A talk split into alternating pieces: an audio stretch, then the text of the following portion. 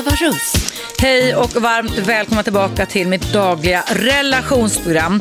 Ja, som sagt var, jag kommer vara här varenda dag mellan klockan 10 och 12 på Radio 1, Sveriges nya pratradio, ända fram till ja, första veckan i juli. Så vi kommer ha mycket du och jag som vi kan prata om som har med relationer, sex och samlevnad att göra. Och idag så är det det här begreppet som finns just bara på Radio 1 som heter friåkning. Det innebär att du, kära lyssnare, är varmt välkommen att ringa in till mig och numret är 0200 11 12 13 och dryfta allehanda frågeställningar som har med relationer och samlevnad och sex att göra. Eh, du kan också bra mejla till mig och mejladressen här på Radio 1 är eva radio1 snabel gmail.com. Eva radio 1 snabel gmail.com. Men som du kanske minns från förra året så ingår alltid den här signaturen när det är friåkning. Jag heter Eva Russ.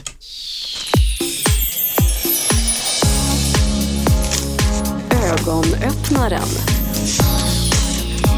med Eva Russ. Mm. Ögonöppnaren det är ju en fördjupning av saker som är aktuella som jag tar till mig genom forskning, vetenskap, böcker och så vidare. Och idag så tänkte jag berätta om vad man tror enligt forskningen att Kinas enbarnspolitik faktiskt ger för interrelationella och personella konsekvenser för de barn som sedan man skapade regler för detta 1979 när man sa att alltså, befolkningen i Kina växte så pass mycket så var man tvungen då att säga att du får bara ha ett barn. Det här är forskare som i Australien bland annat och i Texas eh, i USA har samverkat kring en stor studie där man undersökte besökte 421 stycken Pekingbor som alla då var både män och kvinnor, hälften män och kvinnor, som var födda inom en åttaårsperiod sen efter att man då 1979 alltså hade lagstiftat om det här att ni får bara ett enda barn. Och det här är någonting då som man då har verkligen lagt ner väldigt mycket tid på att studera för att se alltså vilka mellanmänskliga eh, egenskaper utvecklas när man är det enda barnet. Och det här ligger verkligen i linje med vad jag vurmar för och jag vill förmedla kunskap till dig om. Ja, vad fick man för resultat tror du? Jo, man fick nämligen fram att man fostrar, precis som vi pratar om här i Sverige idag, eller har gjort i alla fall om curlinggenerationer och curlingföräldrar och curlingbarn. Man pratar om att man har, de, man har fått en generation med små kejsare. Barn som alltså är födda under lagen där man bara får ett barn som i sitt sätt att fungera faktiskt har blivit ganska narcissistiska som människor. Små kejsare som är växt upp med ett ensamt fokus. Konsekvensen av detta har blivit att man har fått en generation av barn eller vuxna, nu 30-åringar, alltså drygt 30-åringar, som är, visar mindre medkänsla, alltså är mer själviska än osjälviska, visar mindre grad av tillit, är mindre tillförlitliga eller på, pålitliga och är mindre plikt eh, och samvetsgranna och också har en sämre inställning till risker. Det står i den amerikanska tidningen jag kommit över så här att China's one child law less competitive adults. Och det innebär alltså att man börjar fundera över att när föräldrarna lägger ner allt sitt fokus på det enda barnet så får man då barn som vuxna, när de blir vuxna, är mindre prestationsinriktade än andra vuxna barn. Och eh, det här publicerades i fredagen som var i en tidning som heter Journal of Science, Journal of Science. Och där mätte man alltså då Altruism det är också ett begrepp jag har pratat om här som är motsats till själviskhet, alltså medkänsla, tillit, pliktgrannhet, riskattityder och tävlingsinriktning eller prestationsinriktning och fann då att de här barnen, det var alltså 421 stycken, där i alla fall forskarna kan dra vissa ganska stora vetenskapliga växlar utifrån, leder till en inhibering, alltså en begränsning i att utforska omvärlden. Och varför tycker jag att det här är så intressant? Jo, vet du vad? Jag tycker att det här är jätteintressant för att det här lägger ihop all den samlade kunskap som jag i egenskap av relationsexpert och psykolog och psykoterapeut försöker förmedla här i radion, i mina böcker och i min spalt Aftonbladet, nämligen den att hur vi tar hand om våra barn från det att de är nyfödda, ja egentligen hela livet, men under de första två, tre, fyra viktiga åren i barnets liv, sätter sina spår och skapar möjligheter, eller skapar begränsningar för hur vi kommer att se på oss själva och hur vi kommer att bemöta omvärlden. Och vad jag kan tänka mig som relationsexpert har hänt då i Kina utifrån den här aktuella forskningen som alltså publicerades förra veckan i Science of Journal, det är då det att eh, när ett litet barn föds så ska ju det få maximal omvårdnad. Det ligger ju då i vårt sätt att hantera våra barn på, att vi ska se till att de inte bara får torra blöjor och käk, utan att de också får känslomässig omvårdnad så barnet känner sig tryggt och säkert. Och det som gäller för alla människobarn, det är att vi ska få uppleva komfort och trygghet. Det är två nyckelord som är viktigt att komma ihåg. Komfort och trygghet. Att få växa upp i en trygg hamn, en trygg familjehamn och en trygg famn, det är grundförutsättningarna för att vi överhuvudtaget ska kunna överleva faktiskt. Men när människobarnet ungefär ifrån nio månaders ålder börjar öppna upp ögonen för att den börjar bli en självständig individ, att den inte bara hänger ihop med mammas tutte utan att den faktiskt också börjar bli en självständig människa, så sker det också förändringar på hjärnnivån som innebär att barnet ska börja tillåtas ge sig ut på upp upptäcktsfärder. Och det vet ju du som har barn, eller som har barn just nu, småbarn just nu, att det är ju typiskt för ettåringar och ett och ett halvt-åringar att de utforskar världen. Och det har att göra med ett eh, system i hjärnan som handlar, som kallas av professorn i psykobiologi Jack Panksepp som är stor och het världen över just nu, söksystemet. Seeking System, söksystemet, det har vi alla fötts med. Och det är också en eh, överlevnadsfaktor för oss människor, inte bara när vi gick på savannen och letade efter färskt och icke förgiftat vatten och en ny partner och någonting att käka, utan det handlar också idag i modern tid om att sätta igång hjärnans alla celler till att utforska, pröva, risk-taking lite, flytta gränserna så kunna kalla det för. Om det då är precis som den här undersökningen om Kinas eh, små kejsare som har växt upp som enda barn i fokus och sina föräldrar på grund av lagändringen som kom 1979 i Kina för att man var överbefolkade etc. Alltså att mindre överbefolkningen har föräldrar som hela tiden då när man ska utforska omvärlden springer omkring och säger nej, nej, nej, så kan du inte göra eftersom de i sin tur är väldigt måna om att den enda avkomman de tilläts föda måste nå vuxen vuxen ålder så kan jag tänka mig att man lägger ner otroligt mycket energi och otroligt mycket säkerhetsåtgärder som kan då störa och hindra ett ett, ett och ett halvt, tvååringar från att utforska världen. Och då inträder just det som är klassiskt när vi pratar om hur våra temperament formas och hur våra anknytningsrelationer påverkar oss i vuxen ålder. Nämligen att det blir alltså en, en minskning i den här nyfikenhets, intresse, utforskningsfaktorerna eller egenskaperna som vi människor har inom oss. Och därför så kan man alltså då bli en osäker, icke risktagande, en mer pessimistisk person som inte har så stor tillit till eh, att lita på andra människor. Jag skulle till och med kunna översätta det som jag skriver böcker och spaltmeter sånt här ämne, att det är faktiskt en stor risk för att de här små kejsarna i Kina som är alltså konsekvensen av enbarnspolitiken där i den här aktuella forskningen, faktiskt tenderar till att ha väldigt narcissistiska personlighetsegenskaper. Det kan till exempel innebära att när föräldrarna har tagit över bildligt talat barnens lungkapacitet, alltså att du ser framför dig, du tänker dig in i det att föräldrarna säger så här, nej, oh, oh, oh, jag andas istället för dig, jag tar hand om dig, nej, nej, nej, att föräldrarna hela tiden springer före och utforskar världen, så blir barnen lite deprimerade. Alltså man drar sig själv tillbaka, man sitter med armarna i knät och väntar på att alla andra ska se mig som väldigt speciell och utforska tillvaron.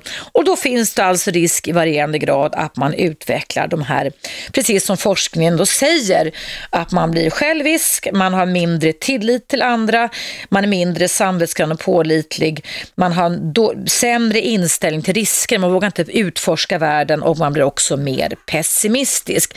Det här, kära lyssnare, kan man ju också dra slutledningar kring när det gäller till exempel våra parrelationer, val av partner. Nej, hur är det att leva med en person som bara är enda barnet? Jag har mött många människor, man som kvinna, ung som gammal, som hävdar att det är skillnad att leva med en person som aldrig har haft något annat att tänka på än sig själv, än om man väljer en partner man som kvinna som har haft flera syskon som man har fått leka och bråka med och utforska världen tillsammans med. Vad väcker det för tankar hos dig? Det behöver nödvändigtvis inte vara dagens ämne idag. Du lyssnar på Eva Rust på Radio 1, frekvensen 101,9. Detta var slutet på ögonöppnarna och det är alltså fritt att ringa in till mig nu. 0200 11 12 13 men nu är det dags för den här första lilla pausen på Radio 1. Men häng kvar för jag är här ända fram till klockan 12 idag.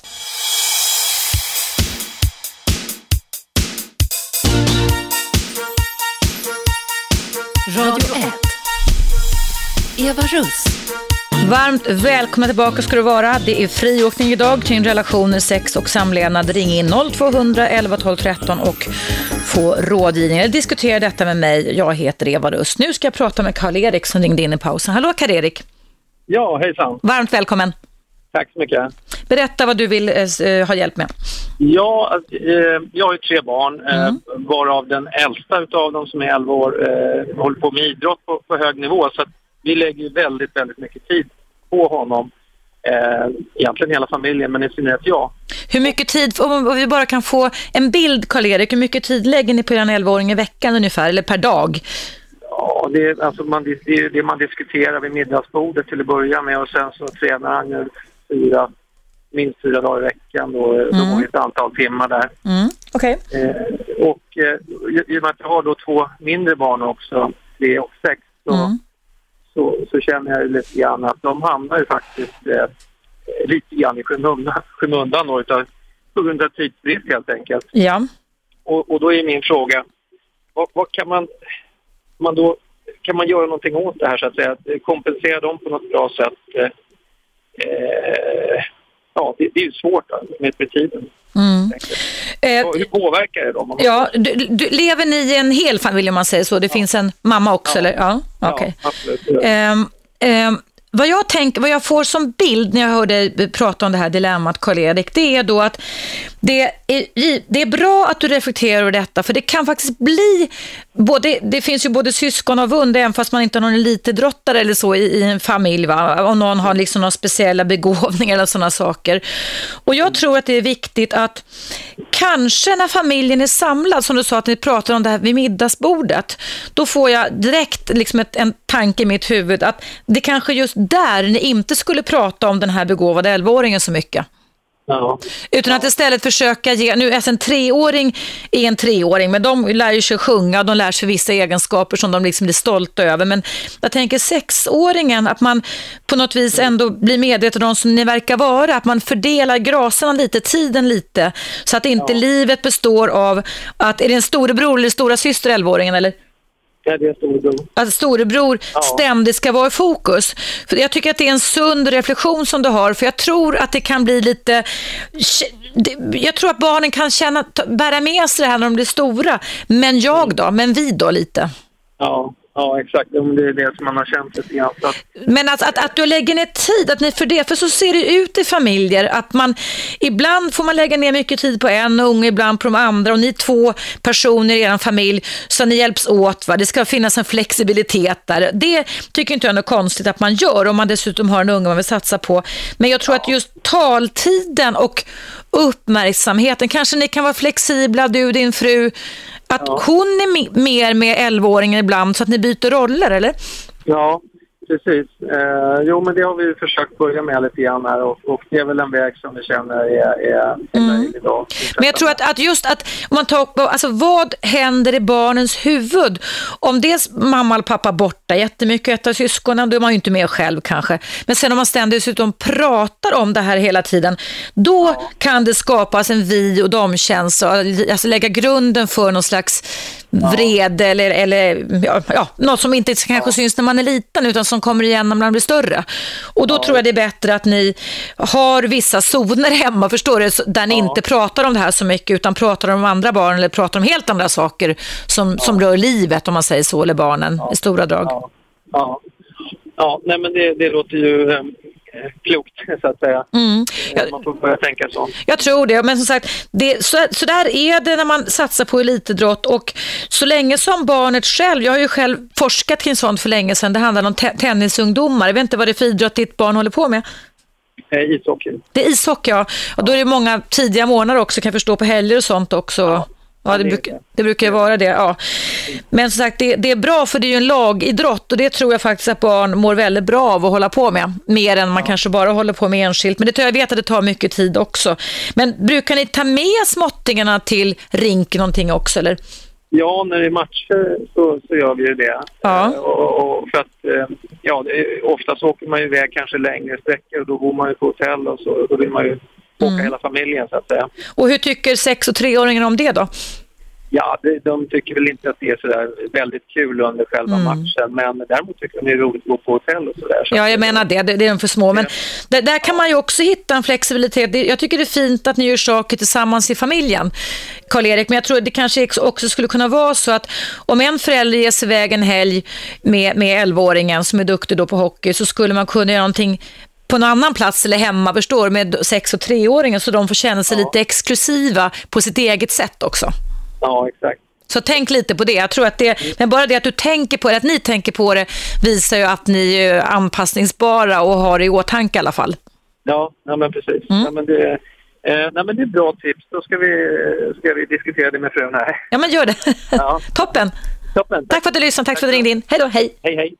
Ja, kära lyssnare, det var alltså Karl-Erik som ställde frågor kring hur man ska fördela graserna tiden när man har ett barn som man lägger ner väldigt mycket tid på. Och som sagt var det, vi, vi, vi är utrustade med flexibla och anpassningsbara beteenden och jag tycker det var jättebra som Karl-Erik ringde in här att vi funderar över det. Det viktigaste är att vi skapar en medvetenhet om hur vi gör, vad vi gör, varför vi gör vissa saker. För då finns det en väldig massa flexibla möjligheter att hitta nya sätt och nya färdigheter och nya lösningar på att hantera tillvaron på.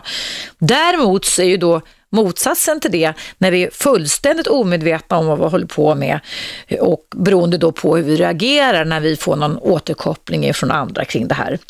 Ja, eh, det kanske väcker väldigt massa känslor bara det här ämnet, men idag är det alltså friåkning på Radio 1. Jag heter Eva Russ och jag är relationsexpert. Jag är psykolog och psykoterapeut. Du kan även läsa min spalt i Aftonbladet varje vecka under Vendela. Men här kan du lyssna på mig varje dag i direktsändning, måndag till fredag mellan klockan 10.00 och 12.00 och mitt program går i repris vardagar klockan 19. Nu är det däremot friåkning idag och det innebär att du som lyssnar just nu är varmt välkommen att ringa in och ställa frågor till mig som har just med relationer att göra. Det kan vara syskonrelationer, det kan vara familjerelationer, det kan vara kärleksrelationer, det kan vara föräldrarrelationer. Det är du som bestämmer vad vi ska prata om idag. Nu ska vi se om det finns någon lyssnare på tråden. Hallå, vem finns där? Eh, hej, jag skulle vilja prata med Eva. Ja, det här är Eva Russ. Hej, välkommen. Hej, är jag ute på radion nu? Du är ute på radion nu, ja. Bra. Det, det är så här att eh, få tacka till att börja med en bra radio som ni har. Jag har tänkt på att ringa dig Mm. många gånger. Jag har ett stort bekymmer och det är så här, det är min bror. Ja. Han gifte sig för nio år sedan och eh, sen för cirka två år sedan skaffade de sig barn. Mm. Och eh, sen började det bli problem i familjen. Vi har utländsk bakgrund. Och frugan har tagit ungen och stuckit iväg. Oj, oj. Va, till långt bort då? Vi vill inte säga något na- land eller så, men Till ett annat land. ja. Och brorsan kämpar för att få tillbaka henne. Och det är jäkligt jobbigt för mig att eh, se hur min familj Mm. smälter som smör. Och eh, det har börjat eh, bara bli mer och mer. Och Mm. brorsan vill få hit sin, sin dotter. Mm. Och vill han få hit sin fru med och göra ett nytt försök tror du? Eller? Eh, så här är det att hon, han vill gärna bo kvar ihop med henne igen. Ja. Det har blivit för mycket prat mellan familjerna. Ja. Så vi kommer, min familj kommer inte acceptera henne på något. Och vi kommer aldrig stödja dem, det, det förhållande som de kommer ha. Men hur, hur såg ni på det? De var ändå ihop i sju år innan de skaffade sitt första barn, om jag, om jag hängde med i din beskrivning. Ja, det har varit så här att hon har varit lite ostabilt. Ja. Och brorsan har varit eh, väldigt eh, må, alltså försiktigt med att skaffa barn. På grund av att hon inte var så stabil, hans fru. Ja. Mm. Men eh, sen, eh, ja, sen bestämde han sig att nej, jag vill ha barn. Ja. Jag, vill, jag, jag vill ha ett barn. Mm. Jag blir äldre och äldre och jag vill kunna umgås med mitt barn i, ja, Mm. i sitt stadie. Än att jag ska bli pensionär och Mm. börja umgås med barn. Tyckte han också, eller upplevde din bror också, att hans fru då har blivit mer stabil? Och det var en anledning till att de start, skaffade ett barn tillsammans? Mm. Så, de, Så kan det ju vara. Blev, Mm. Ja, hon blev lite mer stabilare och Mm. så skaffade de sig barn. Och så blev, det inte, så blev det inte så stabilt som man hade Nej. förväntat sig. Nej. Du, har du tid att stanna kvar över pausen så kommer du, så kan vi fortsätta prata om det här. Det kan vi göra. Toppen. Jag- Har du något namn? Du behöver inte säga ditt riktiga namn så jag kan ha något namn och bara dua dig med. Vad sa du? Jag, jag heter Bessad. Kanske ni har lyssnare som känner igen mig, mig också. Men, eh, Ja, Bezad. jag- Besad, Besad, ja, okej. Då hänger du kvar en liten stund Besad, så fortsätter du att prata om detta dilemma efter pausen som kommer här. Toppen, då hörs vi strax igen.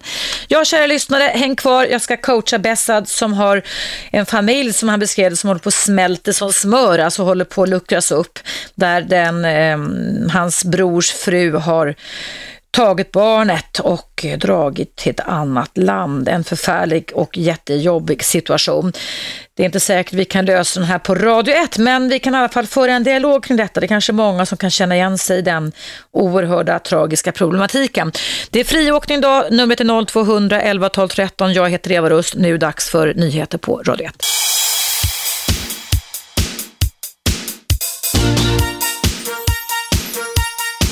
Radio 1. Eva Russ. Varmt välkomna tillbaka. Jag heter Eva Russ. Idag är det friåkning kring relationer ända fram till klockan 12.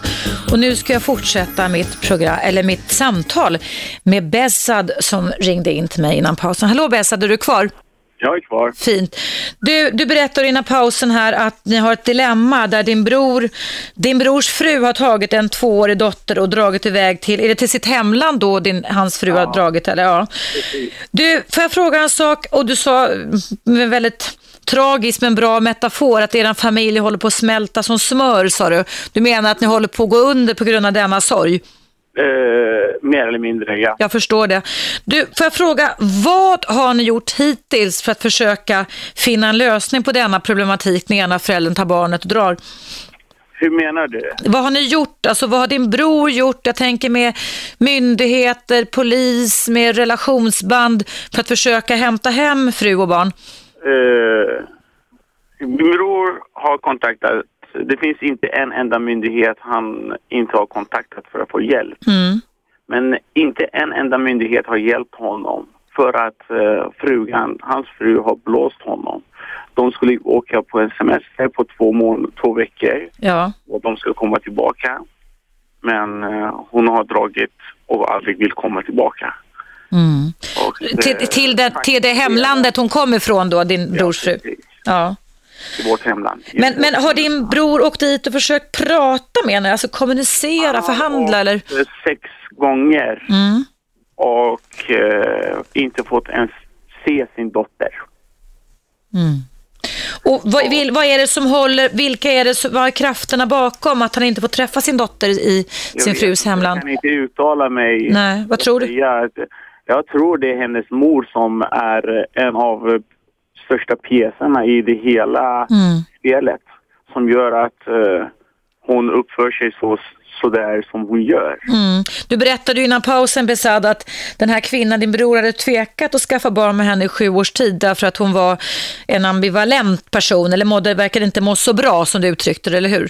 Ja, Och det kan ju vara så givetvis att det kan ligga, ja, till exempel någon form av personlighetsstörning bakom som leder till att mm, man alltid kommer vara så, men att man ibland kan vara lite mindre av det, förstår du? Och då, då skaffade han barn och sen så kom det här tillbaka igen. Men finns det alltså inte någon enda möjlighet eh, eh, med eh, ja, andra krafter då i det hem, hemlandet där hon är nu med att få Vi har träffa? provat, vi har provat med allt möjligt och det har bara blivit värre och värre. De, är familj, de äldre familjen, du, i, vårt familj har blivit förnedrade väldigt eh, mycket och det har blivit väldigt mycket sagt på internet, på Facebook till mina föräldrar, om mina föräldrar. Sedan har blivit sagt till, eh, alltså de, det har blivit skrivelser till vårt familjemeddelande och sånt. Sedan har de även eh, trakasserat med att eh, min farbror och min morbror och allt, allt möjligt. Men min fråga till dig Eva är, i en sån situation, hur kan jag hjälpa min bror? Och jag vill hjälpa min bror. Mm.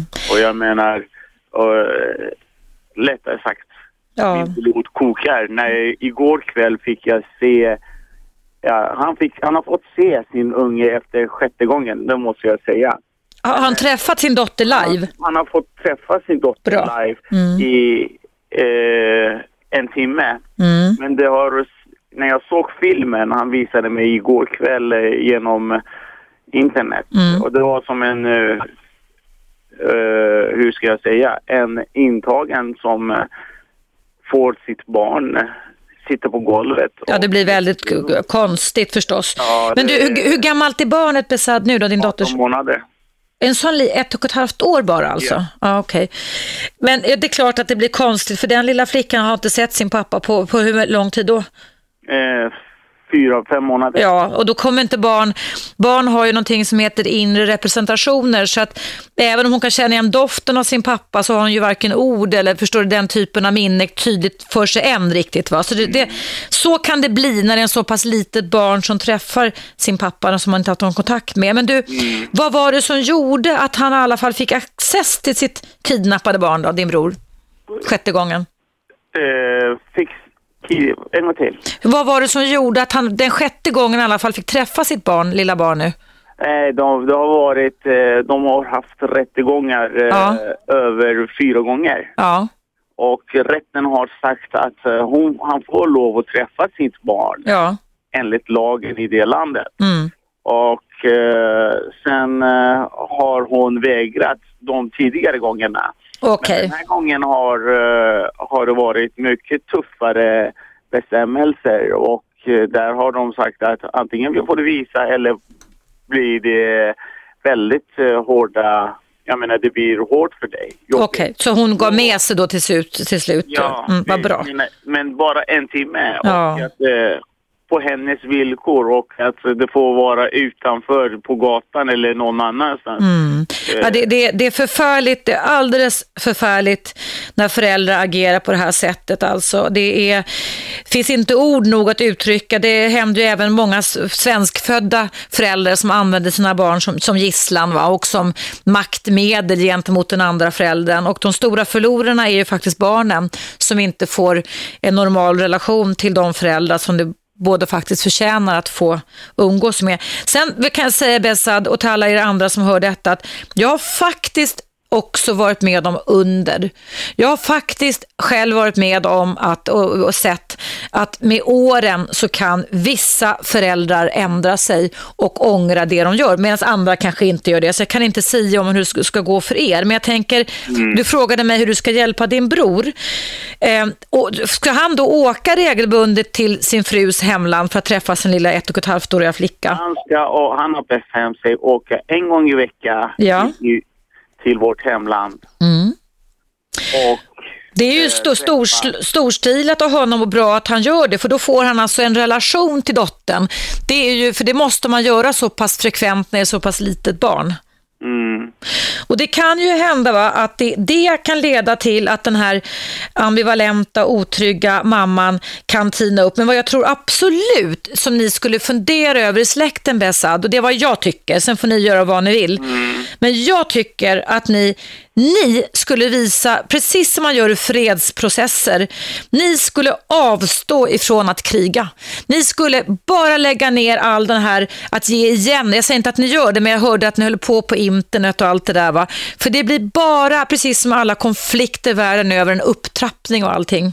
Uh, jag försöker själv inte involvera mig mm. i det här diskussionen mm. och fighten och sådär.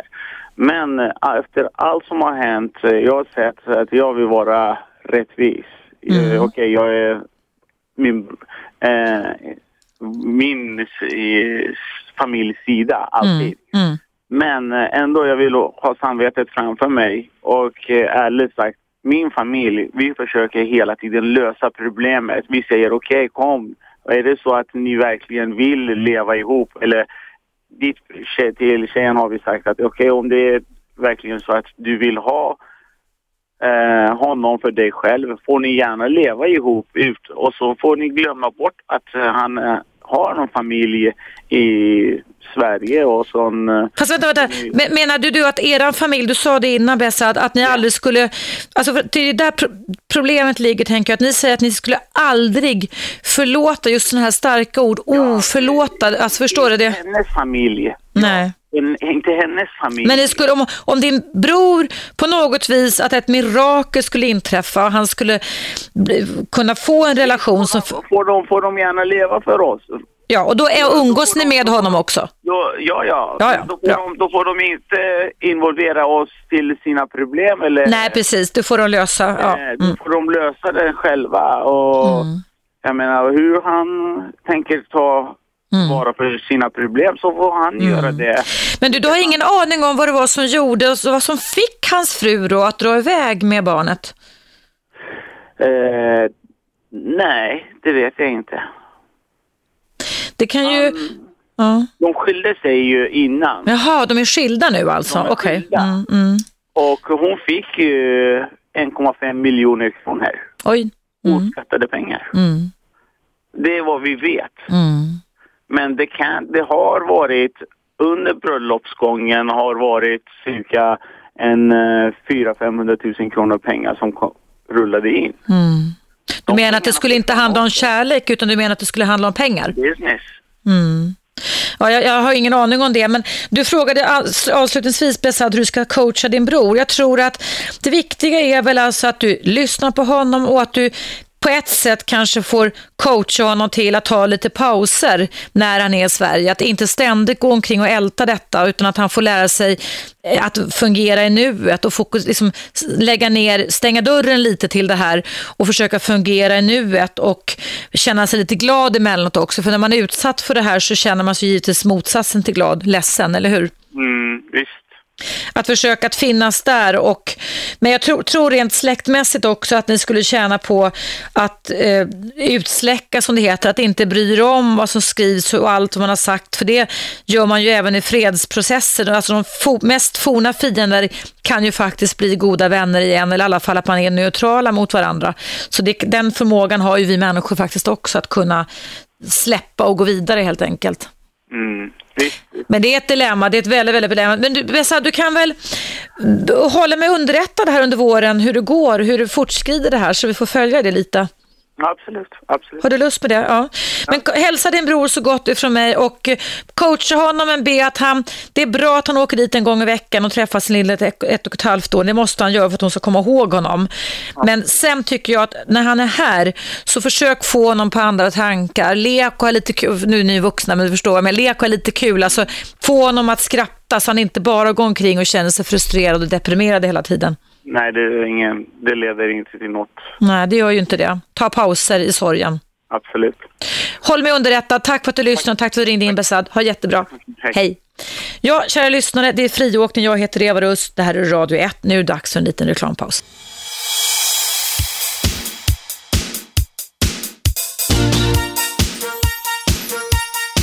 Radio 1. Eva Russ. Välkomna tillbaka. Ja, idag är det friåkning på Radio 1. Det är direktsändning. Jag är relationsexpert och är med dig här ända fram till klockan 12. Faktiskt varje vardag, måndag till fredag, ända fram till veckorna efter midsommar. Så det finns många ämnen och många diskussioner och många saker vi kan diskutera, du och jag tillsammans. Eh, hittills idag så har jag pratat med Karl-Erik och med Besad. Du är liksom dem varmt välkommen att ringa mig och numret till Radio 1 i direktsändning är 0200 11 12 13 0200 11 12 13 om du vill göra som dem och ställa frågor som har med relationer, sex och samlevnad att göra. Eh, Besad och jag pratades vid en ganska bra stund här idag. Det handlade om en förälder som i samband med en skilsmässa självsvåldigt har lurat sin ex-partner och eh, tagit med sig sitt barn, det gemensamma barnet, till ett annat land och sen satt in alla klutar man kan för att försöka se till att barnet inte ska träffa sin förälder. Och det här sker ju inte bara när man är utomlands, det sker ju inom Sveriges gränser med svenskfödda föräldrar också. Det är ett stort problem. Jag kan säga att jag jobbade ju för mer än tio år sedan som chef inom barnpsykiatrin här i Stockholm på en BUP-mottagning som det så fint heter. Och där hade vi faktiskt väldigt ofta eh, föräldrar som eh, inledde, som man nästan kan säga då, rosornas krig, där man satte till alla klutar för att försöka förstöra och förgöra torpedera och skjuta ner och svartmåla den partner man kanske en gång i kärlek faktiskt valde och även valde att skaffa barn med. Där de stackars barnen blir och blev brickor i spelet. Eh, där barnen får växa upp och känna sig sönderslitna av eviga konflikter. Eh, det är fullt möjligt, som jag sa till Besad här, det är fullt möjligt att avsluta sådana här krig och ibland kan det faktiskt vara så, precis som det är riktiga krigskonflikter som tyvärr finns världen över och dyker upp då och då. Så att man ibland inte hittar någon annan lösning än att man får bara säga nu släpper vi det här. Och det kan faktiskt vara en väldigt bra lösning för ibland är det så att man kan älta ihjäl sig och man kan fastna i enormt negativa grupper där man bara grottar ner sig ännu mer och pratar om och du sa si och jag sa så och man kör mer och mer. Och sen har vi ju minnen och vi har selektiva minnen, alltså vi kommer inte ihåg och alla minnen är också subjektivt och känslomässigt styrda beroende på hur vi funkar som människor. Så det kan bli en väldigt, väldigt konstig kan man säga bevisföring vem som har rätt och vem som har fel. Och då gäller det faktiskt framförallt då ibland att man ibland får lov att släppa taget om det som har varit och bara försöka fungera i nuet och säga att vi lägger, gräver ner stridsyxan, yxan, yxorna, det blev som det blev, men eh, nu ska vi hitta nya lösningar på våra relationsproblem och nya lösningar hur vi ska kunna både korrigera och reparera skadorna som det faktiskt här har blivit. Och det är alltid så, det är min åsikt, att det är barnen som är de stora, stora förlorarna när föräldrar av olika orsaker inte kan hålla sams, inte kan hålla samman. Det finns ju mycket eh, relationsteorier som dyker upp då och då. Och eh, den teori som har vunnit mest kraft faktiskt världen över när det gäller parbildningar. Och detta gäller både homosexuella och heterosexuella par. Det är givetvis det att lika barn leka bäst. Och det betyder inte att man behöver ha samma utbildning eller samma ekonomi eller samma sociala status, utan det handlar faktiskt om att de personliga egenskaperna som alltså har väldigt mycket med det som jag väldigt ofta tar upp i mitt program här på Radio 1, nämligen anknytningsmönstren som alltså formar våra känslomässiga sätt att fungera på som barn och i vuxen ålder har en avgörande betydelse för hur pass, kan man säga, bra eller skickliga vi blir på att kunna leva i en parrelation. Forskningen världen över som jag tar del av tror ju uppskattningsvis att ungefär 60 procent av oss har haft eh, den goda turen kan man väl säga att våra föräldrar eh, levde i en mer fredlig, mer utforskande, mer känslomässigt stabil relation. Och då sätter det spår i vårt vuxna relationsliv att vi får lättare att kunna stå ut med kriser, att kunna rida ut stormar, att kunna förlåta varandra, eh, leva vidare när man haft meningsskiljaktigheter, gräva ner stridsyxorna och kunna börja på ny kula igen. Medan ungefär sisådär 40 procent av oss i västvärlden kan få det lite knepigare. Svårare att förlåta, svårare att kunna komma ur känslomässiga svackor, svårare att kunna gå vidare och svårare att kunna släppa. Och nyckeln till våra parrelationers utvecklingar det är faktiskt bara egentligen tre ord. Och jag ska repetera dem här. Det handlar om utforskning, alltså nyfikenhet, att vi måste bevara nyfikenheten till varandra gentemot varandra. Det handlar om flexibilitet, att öva på flexibilitet och det handlar om anpassningsförmåga. Att över ett långt relationsliv så måste vi öva alltså på utforskning, att utforska varandra ständigt, att jobba med vår flexibilitet och vår anpassningsförmåga. Och då kan det faktiskt i många parrelationer vara så att ibland, hur den känns inom oss, så förlorar jag och du vinner, vare sig det är en konflikt, en meningsskiljaktighet eller ja, någon annat konkret grej. Då, man får leva med det, så ser livet ut. Livet är inte alltid 100% rättvist, men det kan faktiskt vara så att nästa gång som du och jag har någon problem, någon konflikt, någon sammanstötning av något slag, då citat vinner jag och du förlorar. Eller också så är vi båda vinnare eller också är vi båda förlorare. Och nu pratar jag inte om livslånga traumatan utan jag pratar om hur vi måste öva på att vara mer generösa, mer storsinta gentemot varandra. Och Eftersom Förenta Nationerna faktiskt jobbar för fredsbevaring så har jag själv också varit vittne till hur forna fiender i Kosovo, där jag för FNs räkning varit två gånger, faktiskt i samband med krigen 99 och senare år har lärt sig, eftersom Balkan har varit många, många år sedan 9, 10-hundratalet, 1100-talet, en oroshärd där religiösa konflikter uppstår, så har man i alla fall lärt sig att emellanåt kunna leva sida vid sida och då är man tvungen, precis som vi är tvungna i våra parrelationer, om vi vill leva tillsammans och behålla relationen, att släppa och gå vidare. Och då handlar det om utsläckning, att inte sätta igång och trigga igång och fortsätta det här kriget som vi kanske kan göra idag också, inte minst när vi har alla dessa sociala medier vi kan använda oss av. Där det kan vara oerhört lätt när alarmhjärnan går igång att vi drar iväg meddelanden, vi skickar sms som det egentligen inte finns mer än starka känslor i, vredeskänslor, negativa känslor, som kan bli väldigt mycket problem att lösa sen. Kommunikation är ju här och nu och kommunikation måste ju göras om om man en gång väl har börjat använda sig av Facebook och etablera krig och vidmakthålla konflikterna. Så tänk lite på det ni där ute. Hörrni, nu är det dags för lite nyhetsuppdatering här på Radio 1. Du lyssnar på mig, Eva Russ, jag är relationsexpert på Radio 1. Frekvensen 101,9 och eftersom det är friåkning idag så är du, kära lyssnare, varmt välkommen eftersom jag är här live idag att ringa in och numret Numret är 0200 11 12 13 och dryfta frågor som har med just ja, precis relationer att göra. Men nu, nu är det dags för den här lilla pausen på Radio 1. Vi hörs efter den som kommer här.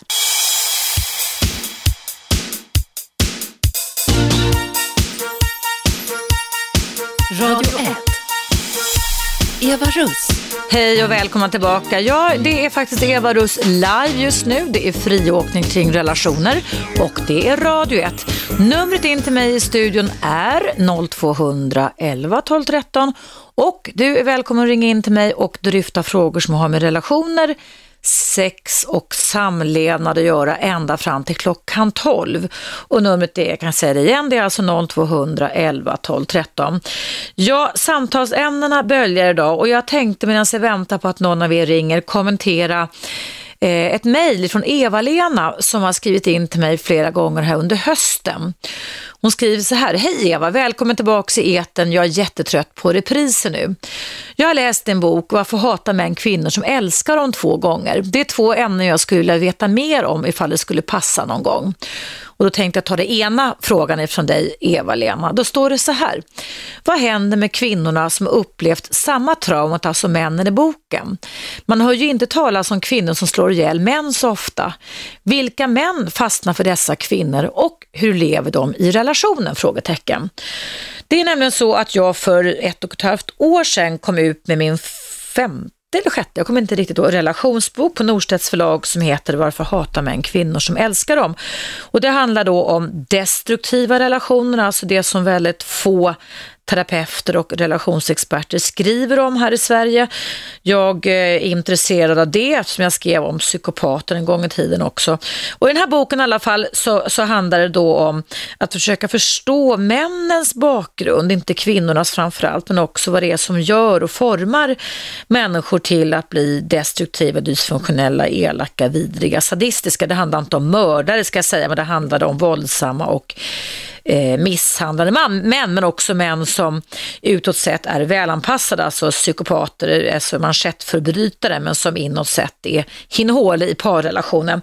Och då passar det bra med Eva-Lenas fråga, därför att jag har precis kommit hem ifrån en utlandsresa eh, där jag då hade tillgång till amerikansk tv och jag kan säga att under mina två veckor utomlands så i vartenda tv-program just nu i USA.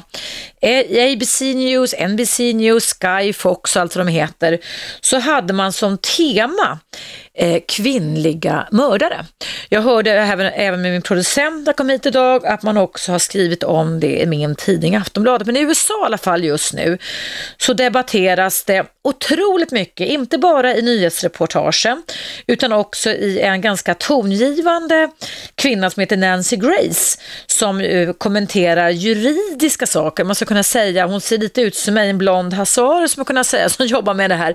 Och hon har då ett dagligt program två timmar varje kväll, eller två gånger varje kväll då hon de, de, de diskuterar det här och då har hon gått ut och sagt väldigt hårt det här, de är inte för söta för dödsstraff. Nu har vi ju då, tycker jag gudskelov, inte dödsstraff här i, i Sverige. Men Nancy Grace har tagit upp det här och det är liksom så att man debatterar sig, hur är det möjligt? Hur är det möjligt att eh, unga, söta flickor de heter Casey Anthony, de heter Judy Arias nu, som man pratar om, och Anthony Edwards, som är 25-30-årsåldern, kan bli sådana råa mördare. Och eh, Judy Arias, som nu är 32 år gammal, som jag såg i amerikansk tv, hon har då huggit ihjäl sin pojkvän med sju knivhugg och sen tror jag skjutit honom också.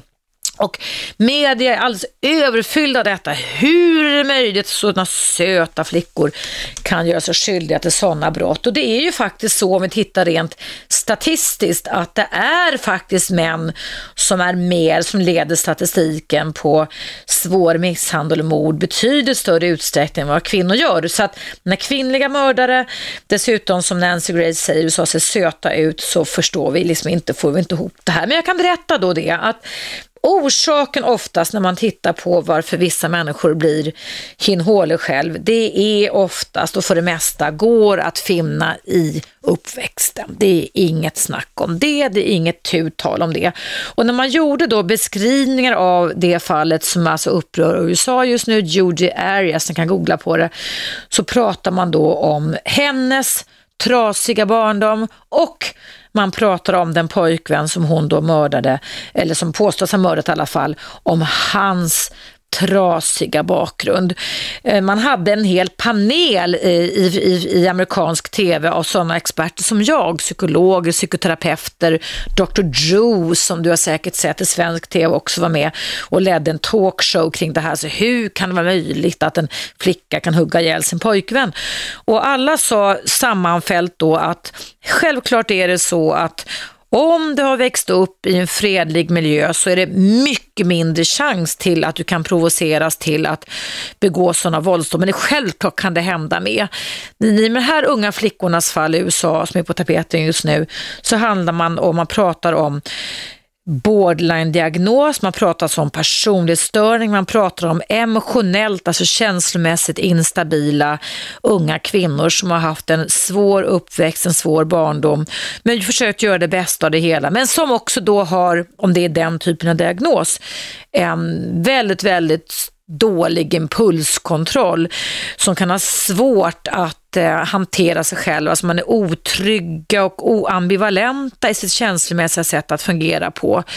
En emotionellt instabil person kan i varierande grad växla i en relation. Alltså det kan även män göra mellan att vara väldigt, väldigt eh, känslosam, väldigt reaktiv, till att vara väldigt lugn. Man kan pendla mellan att vara aggressiv, hjälplös, förförande, bestraffande i varierande grad. Man kan alltså, det är hipp som happ lite och det kan vara väldigt, väldigt svårt. Däribland vredessystemen kan koka över. Men det kan det givetvis också göra hos människor som har sociopatdrag, psykopatdrag och narcissistiska störningar där man hela tiden ser sig själv höjd över mängden. Och det kan man ju ha, de typen av störningar, problematik personlighetsproblematik kan man ha vare sig eller man eller kvinna. Även om statistiken världen över talar för att kvinnor i aningen mer utsträckning än män kan ha det som man kallar för den här emotionella instabila problematiken så går ju den finnas också hos män. Sen är det lite så att i USA, inte minst med tanke på den här förfärliga skolskjutningen här i december innan jul, så är det ju fortfarande så, vilket man diskuterar när man ville, även när jag var där nu, de deportera Piers Morgans görbåt CNN tillbaka till Europa, eller han är från Australien, för att han själv hade haft en åsikt angående vapenlagarna i USA, att där kan ju i princip vem som helst köpa sig en pistol. Är du kvinna kan du köpa dig en läckert rosa diamant eller Swarovski-prydd pistol. Och det är klart att impulskontrollen när eh, du kanske sover mer under huvudkudden eller har den i din iPad eller din väska kan ju vara kortare sträcka mellan ord och handling så att säga när man har ett sånt vapen till hands. Jag är övertygad om att många mord och sådana skjutningar som sker i USA har mer att göra med tillgängligheten än med personligheten. Men att de tillsammans kan givetvis leda till att man har större eller ökad möjlighet till att gå till handling och begå svåra våldsbrott. Men som sagt var, det som Eva-Lena eh, ställde frågan om här nu i mejlet, det var då det att vad som händer med kvinnor som upplever samma, samma trauma som män. Man hör inte talas om kvinnor slår ihjäl män så ofta. Och jag skulle vilja säga då att det med stor sannolikhet är så att det är människor som eh, upplever en sån stark vrede, som har svårt med impulskontrollen, som kan se sig höjda över andra, som anser att de kan rättfärdiga detta och som också inte minst kanske i en parkonflikt rent subjektivt kan tolka det som så att det du har gjort mot mig, eller det du sa just nu, det är så pass kränkande, alltså den subjektiva upplevelsen är så pass kränkande, så jag, du förtjänar inte annat när vreden är på det här blinda raseriet än att dö. Eh, men som sagt var, man diskuterar detta mycket i USA just nu och eh, eh, det tråkiga och det tragiska med detta, i alla fall de fallen jag fick ta del av just nu, det är ju då det att eh, det är eh, personer som inte mår så bra, som gör någonting som givetvis gör att de aldrig mer kommer må någonting bra heller det är en, eh, kan man säga, en negativ loop, en neverending story för människor som kanske då inte har fått den, de förutsättningar, den trygga barndom, den trygga uppväxt som de faktiskt skulle ha behövt ha. Ja, nog med detta kommentarer kring Eva-Lenas mejl här. Mejladressen om du vill mejla in till mig här till Radio 1 är evaradio1 snabelagmail.com och det är friåkning kring relationer idag. Jag heter Eva Russ. Nu är det dags för en liten paus, men jag ser att jag har fått ett mejl från Anna, som vill kalla sig Anna, som handlar om eh, konflikter inom familjen. Så jag ska läsa igenom det i pausen, Anna. Och om du vill då lyssna på detta så tar jag upp det efter pausen så kommer här på Radio 1.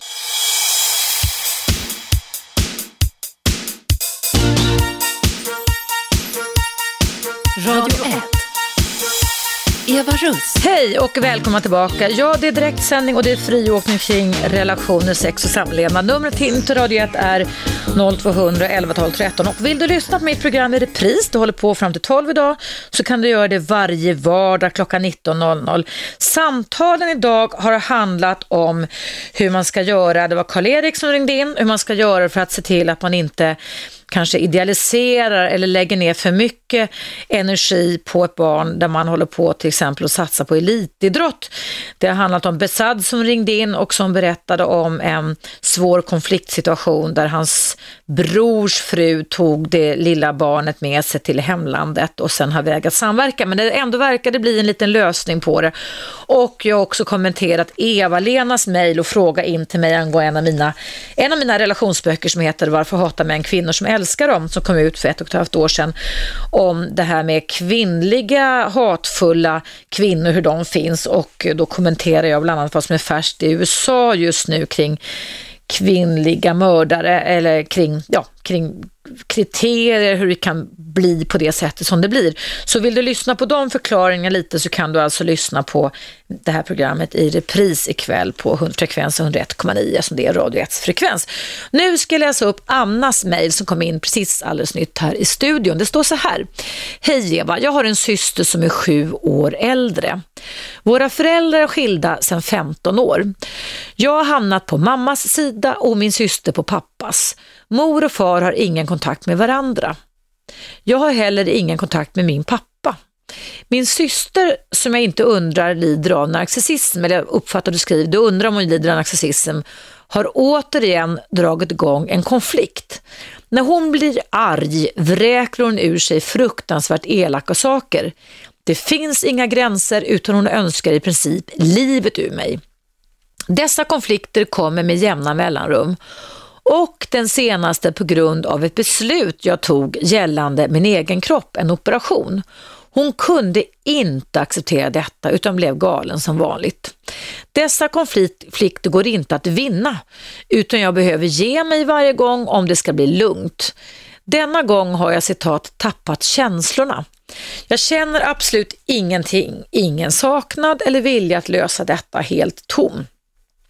Kan det bli så här bara eller är det min respekt för henne som människa som har tagit slut? Ska jag låta det vara bra bara? För det är ju ingen idé att prata med henne då hon bara beskyller mig eller vår mor för saker hela tiden. Vad gör man? Mm.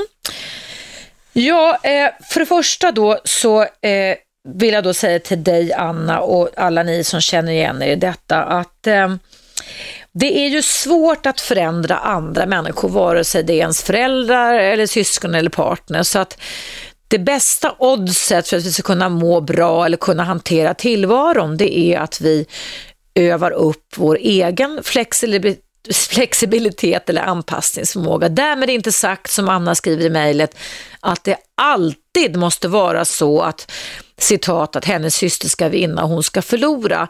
Ni verkar ju också vara myndiga och fullt vuxna människor, men jag skulle tro eh, som du skriver, att det är, detta är alltså en långvarig, svår relationell konflikt där era föräldrar då inte pratar med varandra och där det är liksom fullt krig låter det som. När man vidmakthåller ställningstagarna inom familjen så är det precis som jag alltid säger och alltid kommer säga att de stora förlorarna är barnen. I er familj kan jag tänka mig att det har blivit en uppdelning vi och dem eller dem och vi. Där det givetvis kan vara så att din syster och även du har farit illa och där din syster då eh, är avundsjuk på dig helt enkelt. Avund är väldigt vanligt hos oss människor och eh, försöker få kontroll fast hon är vuxen och sju år äldre än dig. Det genom att tro att hon kan styra det du gör. Alltså det är ett antagande, det vilar på ett antagande som hon har för att hon ska kunna relatera till dig, för att hon ska kunna, ja, jag kan tänka mig kanske känna sig, ska jag säga viktig, eh, värdefull på något sätt så använder hon sig av full kontroll eller försöka få kontroll. Så det låter ju som Anna att det spelar ingen roll om det var en operation eller skönhetsoperation du skulle göra utan du skriver det att varje gång det ska, du gör någonting så blir hon galen. Hon kan inte acceptera att du har egen styrning, alltså egen autonomi.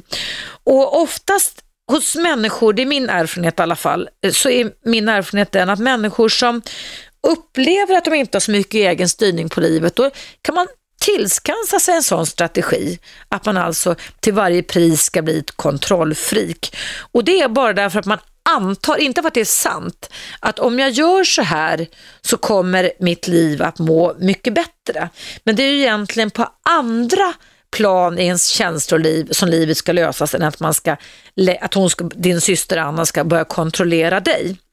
Och jag tror då som sagt var att det där är någonting som din syster givetvis får jobba med själv. Men vad du ska göra det är ju givetvis att inte hålla på och anpassa dig efter din sju år äldre syster utan att försöka neutralisera eh, inte gå igång när hon går igång, utan låta henne få skrika och gapa och försöka kontrollera dig mycket hon vill. Alltså hon får ha sina åsikter, ni vuxna människor och det får du hålla sig Du får tycka så, men jag tycker så här.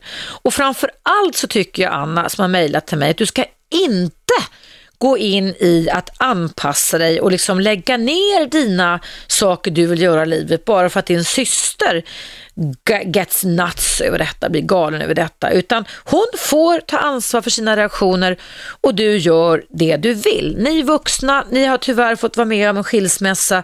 Det kan bli problem med den känslomässiga balanseringen där med. Sen så vill jag också säga då, för du hade reflektioner Anna kring att just nu känner att du liksom känner ingenting. Och då vill jag ha en liten lektion här, eftersom jag håller på att skriva en bok om det, eh, kring det här med hur känslor uppstår hos oss människor, så är det faktiskt så att det behövs en utlösande situation, en person, en farlighet som man kunna säga sedan urminnes tider för att vi människor ska få igång något av våra känslomässiga, biologiskt förankrade, delvis eh, icke viljestyrda system inom oss. Och det handlar faktiskt basalt fortfarande om att kämpa, fly eller spela död. Freeze som det heter, spela död, en överlevnadsstrategi på savannen men även idag. Och det låter Anna i ditt mejl till mig som att du spelar död, alltså du flyr, du har ingen lust att investera känslor, du har ingen lust att relatera till din syster eftersom det du får ut av det bara är frustration, besvikelser och obehag. Och så kan det vara, då kan man vara neutral för just nu tycker du att det bara är trist, det är tråkigt, det är ingen idé att prata med henne. Det betyder inte att dina känslor har dött. Känslor dör inte på det sättet, men du tycker att situationen, alltså din syster som utlösande faktor som en trigger för dig ger dig obehag och då lägger du ner din känslomässiga involvering i henne just nu och nollställer dig själv. Jag kan tycka att det just nu låter som ett ganska bra skydd för dig. Sen ska man ju liksom se upp med detta för man kan bli motsatsen då lite känslokall och distanserad. Men nu skyddar den strategin dig när, eftersom din syster väldigt ofta, som du beskriver, går till anfall mot dig. Eh, du neutraliserar henne, du gör henne mindre viktig. Eh, och jag tror också det, va, att, att om det här är ett ständigt pågående mönster där din syster förmodligen styrs av avund gentemot dig då hon bara beskyller dig, din, din syster för saker hela tiden, så har hon ju fel angreppssätt. Ehm, hon, hon närmar sig er på fel sätt. Hon skapar, kan man nästan säga, en slags självuppföljande profetia där hon bevisar för sig själv hela tiden att hon inte är så viktig. För det hon skapar det är ju aggressivitet och som nu i ditt fall Anna uppgivenhet, att du har ingen lust att snacka med henne, du har ingen lust att relatera till henne. När jag tror det som din syster egentligen vill ha, det är en varm relation, en trygg famn och kärlek och omtanke. Eh, en strategi du på sikt, inte nu givetvis, skulle kunna testa det är att eh, tala om varje gång att hur mycket du tycker om din syster. Alltså tvärtom, istället för att bli förbannad säga men jag tycker faktiskt om dig därför att. Det kan vara svårt, det kan vara knepigt att gå emot ens egna känslor. Men om ni ska kunna få någon rätsida på det här någon gång, den här avunden, svartsjukan som jag tror ligger till grunden för detta, så måste man lägga om rodret och då gäller det att hitta alternativa känslor, alternativa nya beteenden. Även om de går emot känslorna så är det det enda sättet för att ni ska kunna förändra någonting. Så låt, gå inte igång på din syster, låt det vara som det är, men börja fundera på, kanske du ska prata med din mor också, vad, vad ni skulle kunna göra för att eh, visa att ni tycker om er syster. För jag tror att det spökar inom henne en enorm rädsla och panik inom henne för att inte hon är så värdefull och duglig. Och då blir hon galen, hon blir skogstokig och kan bara relatera med vreden gentemot dig hela tiden. Du fick ju mammas gunst och det fick inte hon och jag tror att det är det som kan ligga och ticka och spöka. Så låt det vara som det är just nu. Eh, ja, låt känslorna vara de de är. Eh, fundera på om du kan göra något alternativt för att visa att du ty tycker om din syster. Och som sagt va, låt henne skrika och gapa ett tag till. För det kan faktiskt vara så att ju mer du visar henne att du tycker om henne, så kanske hon slutar med sina beteenden. Det kan i alla fall vara värdefullt att hitta och mixtra med lite andra beteenden. Ja, Anna, du kan väl annars höra av dig som jag är här varenda dag, måndag till fredag till långt efter midsommar på Radio 1. Eh, fortsätta mejla mig, mejladressen är, jag tackar dig för ditt mejl Anna, det är evaradio1 snabelaggmail.com. Numret rakt in i studion här på Radio 1 är 0200 11 12 13. Nu däremot är det dags för en nyhetsuppdatering och jag heter Eva Russ och du hör mig efter pausen som kommer här.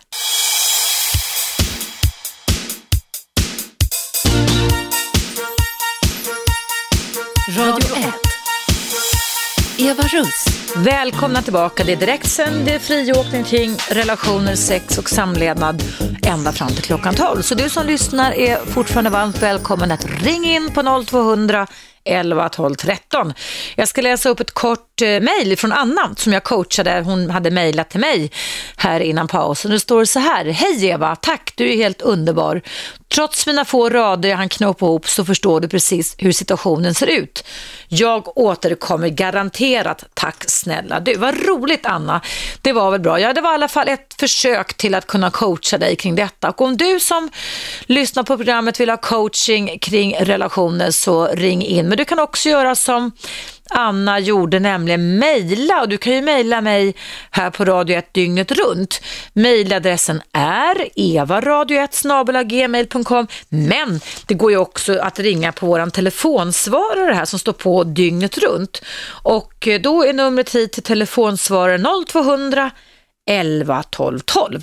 Och sen kan du givetvis också gå in på vår hemsida och titta på eh, tablån där på programmen och där man också kan lyssna på program både i podcast och i ämnesform kan man väl säga som jag har tagit upp eftersom jag som regel brukar fokusera på flera ämnen i veckan. Men idag är det friåkning och då är det lite, lite av varje. Jag har en lyssnare verkar det som, som ringer in. Vi ska se vem som kan finnas på tråden. Hallå, vem finns där?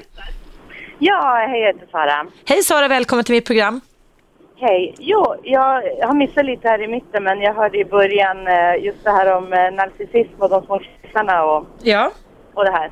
Och jag började lyssna på ditt program tidigt i början när du pratade just om narcissism och tänkte men herregud, hon beskriver ju min man.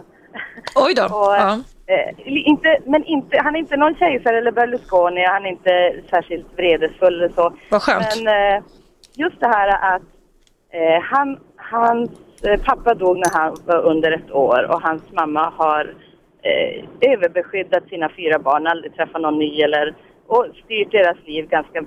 Hon är jättetrevlig och en jättestark kvinna men, Mm. men styrt vilka vänner de ska ha och allt sånt där. Mm. Och han visar typ väldigt, tycker jag, de här tecken på att kan inte ta kritik. Eh, eh, ja, liksom här att eh, allting som du beskriver om narcissism. Och nu Mm. Undrar jag liksom, hur ska man möta en vardagsnarcissist? Mm. Han är inte... Nej, han verkar ju inte vara för att det, de, de värsta narcissisterna det är ju de som, precis som du beskriver sa, får de här oerhörda eh, vredesutbrott man pratar om den narcissistiska vreden ungefär som kraften av en tsunami. Förstår? Jag har själv levt med en sån man, det är outhärdligt så att säga. Va? Ja. Och det kan komma när, men, så att, men, men det är klart att vi, alla har, precis som du är inne på, kan ha narcissistiska drag. Därmed inte att vi är sjuka eller störda på något sätt, det är ju viktigt att säga. Eh, Är han medveten om det här själv? Har ni pratat någonting om hur hans barnbarn hans mamma har varit? Hon gjorde ju så gott hon kunde förstås, så det ska vi ju inte liksom leta fel på. Är han medveten om ibland att han dimper ner lite snabbt i någon slags egen ego-loop så att säga? Ja, eh, jag har pratat om just det här, om, om vad du sa i ditt program. Ja. Det är svårt att nå fram egentligen när, när känslorna svallar. Men jag tror också att han är väldigt intelligent och jag tror att han, han har förstått det också. Men i helgen så har vi flyttat och då känns det som kulmen på allt och mycket så här, akta, akta det här, han, vi har två små barn och det är mycket, akta det, eh, gör inte det. Så han är ju uppvuxen på det sättet att Ja, just han det. är väldigt styrd. Och det kan jag, jag är liksom jag är ganska känslosvällande men jag har alltid varit väldigt envis när jag var liten och så. Och då kan jag gå igång på det här och liksom inte... Jag vill liksom kunna bemöta honom så att det inte blir att jag bara blir arg och ger honom mer kritik. Så Mm. man. Men eh, just det här eh, i, i flytten så nu kände jag den här att nu blir det bara kul, kulmerar allt det här med akta, försiktigt. Ja, ja, ja. Men du, har, har ni haft något snack du, din man då Sara, om, alltså jag tänker man kan ju ha feedbackmöte, alltså nu låter det som på en arbetsplats, det är inte det jag menar, men man kan alltså sätta sig ner regelbundet. Jag tycker alla par borde investera tid i det någon gång i månaden. Så där. Så hur, hur har vi det? Vart är vi på väg och vill vi ha det på det här sättet? Vad är vi nöjda med? Vad skulle vi vilja förändra lite eller utveckla? Alltså, den typen av lite mer positivt möte, återkoppling skulle man kunna ha. Har ni pratat omkring kring det? Hur ska vi hantera våra barn? Hur ska vi uppfostra våra barn? För ibland tar man ju bara, som du säger, för givet och kör på på det sättet som man tror att det ska vara. Liksom. Mm. Har ni snackat något sånt du, din man? Ja, jag tycker att eh, han, han vill gärna prata om det, men vi hamnar i, i vet, samma eh, så här att jag blir frustrerad. Han, han hör bara bla bla bla. Ja, ja, okej, ja, ja. Då blir jag frustrerad och så slutar det i ett bråk. Och då känns som att, jo, jo, ja. Men, Men- men, men, vissa gånger kan vi mötas och då har det varit jättebra och vi försöker liksom. Och jag är ingen som jobbar på relationer, jag är ingen som bara dissar. Men Nej, nej. Du, har du någon aning om, för det tycker jag är en väldigt intressant fråga, de gånger det har lyckats Sara, när det verkligen har funkat och ni har fått den här kontakten som du pratar om, förståelse, alltså ömsesidiga förståelsen, vad har det funnits för grundförutsättningar då tror du, om du tänker tillbaka? Att man eh, inte gör det just i, när det känslorna svallar för mycket. Att man Mm. liksom ja, går in och den, alltså säger att nu vill inte jag kritisera på allt vis, men jag vill prata om det här. Precis vad jag tänkte. Därför att där tror jag att vi alla i parrelationer skulle kunna vinna enormt mycket om man till och med innan man börjar diskutera någonting som man vet kan bli lite het potatis satte sig ner och slappnade av en minut eller två minuter så skulle man inte gå igång lika snabbt eller tolka varandra så negativt som man ibland kan göra med sina gamla mönster man har. Mm. Sätta sig ner, lyssna på en lugnande musik innan och prata. Men om vi, om vi vill ha ett råd nu kring din man där så tänker jag då att jag tror att det gäller för dig att dels så förstår du hur, hur det har blivit som det har blivit eller hur med, med hans uppfostran och så vidare. Och att jag tror att det ibland är att du, den personen som ser det här får tänka så här, alltså mer förlåtande för sig själv. och säga, Okej, han gör så gott han kan eller hon gör så gott han kan, men det är inte riktat mot mig. Det finns ingen ond avsikt med det min partner gör mot mig. Och ha det som ett litet mantra, för då kan man lugna ner sig själv. Förstår du? Så här, ja, ja, men det är ingen ond avsikt. Det är skillnad om det skulle vara en taskig jäkel, en sadistisk person, förstår du, som är ute efter mig, eller en supernarcissist som är en pain in the ass att leva med. Alltså. För där är det nästan så att man tror att de räknar ut, i viss, de som är riktigt supernarcissistiska, att det finns en avsikt med det. Va? Och jag tror att viktigt att tänka då att adressaten, alltså när de sänder över det här beteendet så är det ingen ond avsikt. Att inte gå igång på det. Men när ni pratar om barnuppfostran, det här som du sa att han lätt gör som hans mamma gjorde mot honom och curlar va. Att prata lite konkreta beteenden, jag, utan att kritisera. Alltså, jag vill att vi ska göra så här mot våra barn istället. Vad säger du om det? Kan vi öva lite på det framöver utan att kritisera honom? För då finns det ju risk att han inte fattar någonting och går lås liksom. Mm. Mm, precis. Ja, jag vet egentligen själv, eh, men det, det är bra att höra. Liksom. Ja, jag, jag, tror att ni skulle kunna känna på det. Men alltså inled, och jag tycker alla ni som lyssnar nu, det finns så mycket evidens. Jag har ju varit bortrest för att skriva på en ny bok och man pratar ju, det har jag sagt i höstas också, världen över. Alltså att om vi kan hitta en slags bra balans i livet så är det enda vi människor kan göra, ungefär som man gör i Asien, eller Dalai Lama gör, eller buddhistmunkar, gå ner lite i varv innan vi ska ta upp svåra saker, diskutera och lösa. Då kommer vi inte kriga lika mycket faktiskt. Mm. Ja. ja, det är bra. Prova detta och eh, hör av dig sen. Jag finns ju här varenda dag för dig som lyssnar ända fram till tid efter midsommar om det inte löser sig på något sätt. Okej? Okay? Mm. Mm, tack ska du ha, jättebra program. Tack ska du ha Sara, ha det jättebra. Hej då, hej. Tack, hej. Ja, det är som sagt var välkommen du som lyssnar nu eh, att göra som Sara gjorde, att ringa in. Numret är 0200 11 12 13. Det är friåkning kring relationer och jag heter Eva Russ och du lyssnar på Radio 1. Men nu, exakt nu, då är det dags för en liten paus. Men du är också varmt välkommen att ringa in i pausen på Radio 1 som kommer exakt här och nu.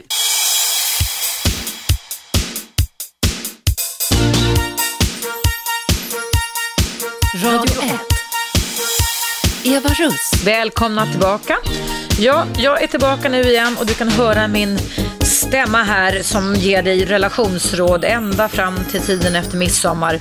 Frekvensen 101,9. Jag heter Eva Russ och det är relationsradio live. Det är fortfarande tid kvar för dig som lyssnar eller som är nytillkommen lyssnare att ringa in till mig och ställa frågor eller debattera någonting som har med relationer, sex eller samlevnad att göra. Eller, och allting går ju givetvis samman. Numret är 0200 11 12 13. Det går också bra att mejla in till mig. Det är många som har gjort det även under min bortovaro. Mejladressen är evaradio1gmail kom. Och eh, innan pausen här så pratade jag med Sara om hur man ska tackla personer som har narcissistiska drag. Jag skulle tro att du Sara ringde in eftersom jag inledde det här direktsända programmet idag med att referera till en stor, kan man säga, vetenskaplig studie som man har gjort ifrån Australien, The Monash University Australien, där man har undersökt eller utforskat eh, 421 Pekingbor som alla är ungefär 80-talister kan man väl säga. Där man då har kommit fram till att konsekvenserna av enbarnspolitiken som ju handlade om att begränsa antalet barn och överbefolka Kina har lett till att de här barnen i den här vetenskapliga studien har utvecklat personlighetsegenskaper som är ganska mångt och mycket ut påminner om människor som har narcissistiska drag. Man säger bland annat då att de är mindre känsliga, mindre risktaking, har mer negativ attityd, mer själviska och eh, har blivit som små kejsare genom att de har curlats för mycket. Det kan ju få sina konsekvenser för en hel generation, en hel nation när de nu ska bli chefer och ta för sig och relatera till andra människor. Det ska bli intressant att följa de studierna och det var alltså i en, ehm, i en eh, Eh, tidskrift som heter The Journal Science. Man har också kontrat upp den här studien med en ehm, eh, studie i USA också kring det här, att man, eh, att man som enda barn i Kina växer upp med väldigt olika förväntningar på tillvaron. Eh, och att det då kan bli inhiberande, som det så fint heter, alltså hämmande personlighetsegenskaper när man ska anpassa sig i samhället. Att man alltså har, eh, är mindre känsliga för andra, att man är mindre risktagande, att man är mindre utforskande, att man är mer själviska när man då haft föräldrar som har curlat den. Och så kan det faktiskt bli när man har, om jag får säga det citat, bara ett enda barn, när det kan säkert vara väldigt frustrerande och jobbigt för många i Kina som kanske hade önskat sig fler barn än ett. Ja, det är i alla fall mina tankar kring det. Nu ska vi se vem som eventuellt finns på tråden. Hallå, finns det någon där? Hallå, finns det någon där? Ja, hallå, hej, det är Lennart, hej. Nej men tjena Lennart, hejsan, hur står det till med dig? Jo tack, hörru du, god fortsättning. Ja, Även fast vi är inne i mitten av januari Ja. kan väl ge dig uttryck för det. Ja. det. Det var väl repriser i början på veckan? Jajamensan, jag kom tillbaka idag, ja. Ja, för jag lyssnade lite då så jag tyckte jag kände igen vissa tongångar där. Vet. Jag förstår, Nej, det var... men nu är jag live här tillbaka igen. Ja. Idag talar vi, ja, du talar ju om det här med narcissism alltså. Är ifrån den här stora kinesiska studien, Ja, precis. just det. Det är intressant det där. Jag har också läst om det där. Det har varit eh, väldigt eh, fokuserat till Kina att de kallar ju barnen för tjej, små kejsare. Små kejsare, ja, just det. Och Mm. problematiken har ju varit sån att de omhuldas ju så att de blir som rullande kotletter. Ja, rullande Jag har sett kotletter. bilder på barn alltså. Att, men jag förstår det där för att traditionellt i Kina så har de ju alltid omgivits utav en stor skara barn numerärt sett för att det är en försörjningsräddning eh, eh, på äldre dagar va? att ha många barn. Så var det ju förr i världen. Ja. Befolkningen har ju ökat, jag tror det man läser olika uppgifter, men 1,4 miljarder vet du. Ja, det är helt otroligt. Kan du mycket. tänka dig det att när kejsar Augustus gjorde en sån här skatte, eh, folkräkning då, eh, ungefär eh, för 2000 år sedan, då gjorde man likaledes i Kina, då fanns det 40 miljoner människor påstås det i Kina. Idag är det 1,4 miljarder. Mm. Ja, det är inte otroligt. klokt. Jo, jag tänkte Ja. Mm. på det där med narcissism, du. Att många människor idag är så självklara, om man säger så, i sitt beteende. Va? Så att det blir självsvåldligt till slut alltså. Det är det som jag tycker är otäckt. Att ja, jag ser ju det fysiska rummet, man åker tunnelbanan eller går på stan och de är ständigt eh, uppkopplade med det här med eh, mobilen, alltså sms och allt vad det heter. Va? Och häromdagen så kom det en flicka vet du i vimlet här då och gick med ned, eh, framåtlutad kropp och jag såg inte henne för att jag kommer ifrån eh, Ett annat håll, ja, motsatta, från sidan, ja. Så att de springer ju på varandra folk Ja, och det, ja. jag vet ju till och med en som sprang in i en lyktstolpe Fick en riktig stjärnsmäll Ja. det är ju tråkigt? Ja. det är ju ingenting att skratta åt men det ser ju komiskt ut på något Vi börjar va? återgå till att gå så här från det att vi gick från apstadiet till människor. Du vet den här bilden man ser hur människan, vi blir människor, att börja luta oss neråt igen så att säga. Det kan inte vara bra för våra kroppar, det är våra ryggar och våra nackar. Amerikanerna har ju några Mm. uttryck för det här med slapstick, vet du. Mhm. Den här filmen i pionjärtiden, Chaplin och Harold Lloyd och de där, de gjorde en massa slapsticks. Mm. Men jag tänkte på det där hur du, du säger om narcissism idag. Är det inte så också att människan i sig är fångad på något vis i, det blir vi ju alla i det här med kommersialismen va? Mm. Att vi ständigt matas med att sa, saker som vi måste ha fast egentligen inte har vi något behov av det. Ständigt är det kolorerade annonser om att fixköp det för att då finner du lyckan och det på, talar till en på något vis att det här måste du köpa, det här ger dig lycka och eh, välstånd. Det- Du menar att det händer saker med oss, att vi bör se över våra beteenden, det är det du försöcker säga Lennart? Att vi, ja. alltså, vi blir, ja, men det är svårt att göra det för att vi, det, vi blir ju suggererade hela tiden just med det här va. Att eh, ehm, vi måste ha och, och eh, det- det bygger ju också på liksom samhället Vad menar du bygger på vad? Att vi ska konsumera som en jävla Ja, okej. va? Mm, mm, Det är det jag menar. Alltså, Det är det som är så otäckt. Och jag tror att människan också skapar ett behov utav som är konstlat på något vis. Att vi måste omge oss alltid hela tiden med söka tröst i att eh, man, man, är, man efter, man, eh, vad ska jag säga, eh, man, efter, man eh, känner tr- trånar efter någonting. Va? Sen plötsligt när man har det sin ego, då liksom är det inte så intressant längre utan då tar man nästa steg. Va? Att vi, vi förr kunde man, nu ska jag lite med dig Lennart, men jag vet att du är 60 plus, då kunde man njuta över en karamell i en karamellstrut, eller hur? Som man köpte därför att man visste att det, det var inte så lätt att få dem. De kostade mycket pengar och man fick det kanske en gång i veckan. Nu har vi sånt överflöd av saker som vi kan tillskansa oss snabbt så att vi eh, bara ska njuta, njuta, njuta hela tiden och Ja. tro att livet bara ska vara njutning hela tiden. Det, om jag uppfattar det, är en rätt. Eller hur? Kunna, och, och kunna kanske tröstäta som det heter. va? Det liksom dämpa lite Det har med stress att göra tycker jag, väldigt mycket. Ja, det har ju med press att göra. Sen är det så Stress. lockelse och sen är det, ju- det är så lättillgängligt allt idag med snabbmat och sånt. Va? Jag vet att jag läste någonstans om att på 20 och 30-talet försökte de införa en ny grej i Sverige som de kallade för quick lunch. Då, på 29, vi pratar alltså om nästan 100 år sedan. Ja, just det. Det försökte man införa, men det, det gick aldrig folk på, va, det här med quick lunch. Alltså. Det var någon form av snabbmat. Va? Eh, Som man skulle kuta in på någon typ av en Norma-restaurang då. Va? Och det gick aldrig igenom det där. Jag har sett annonser. Men det har ju gått igenom nu, det kan man väl verkligen nu säga. har det ju gått med, med brak alltså sen, eh, vad ska man säga, sen 70-talet va?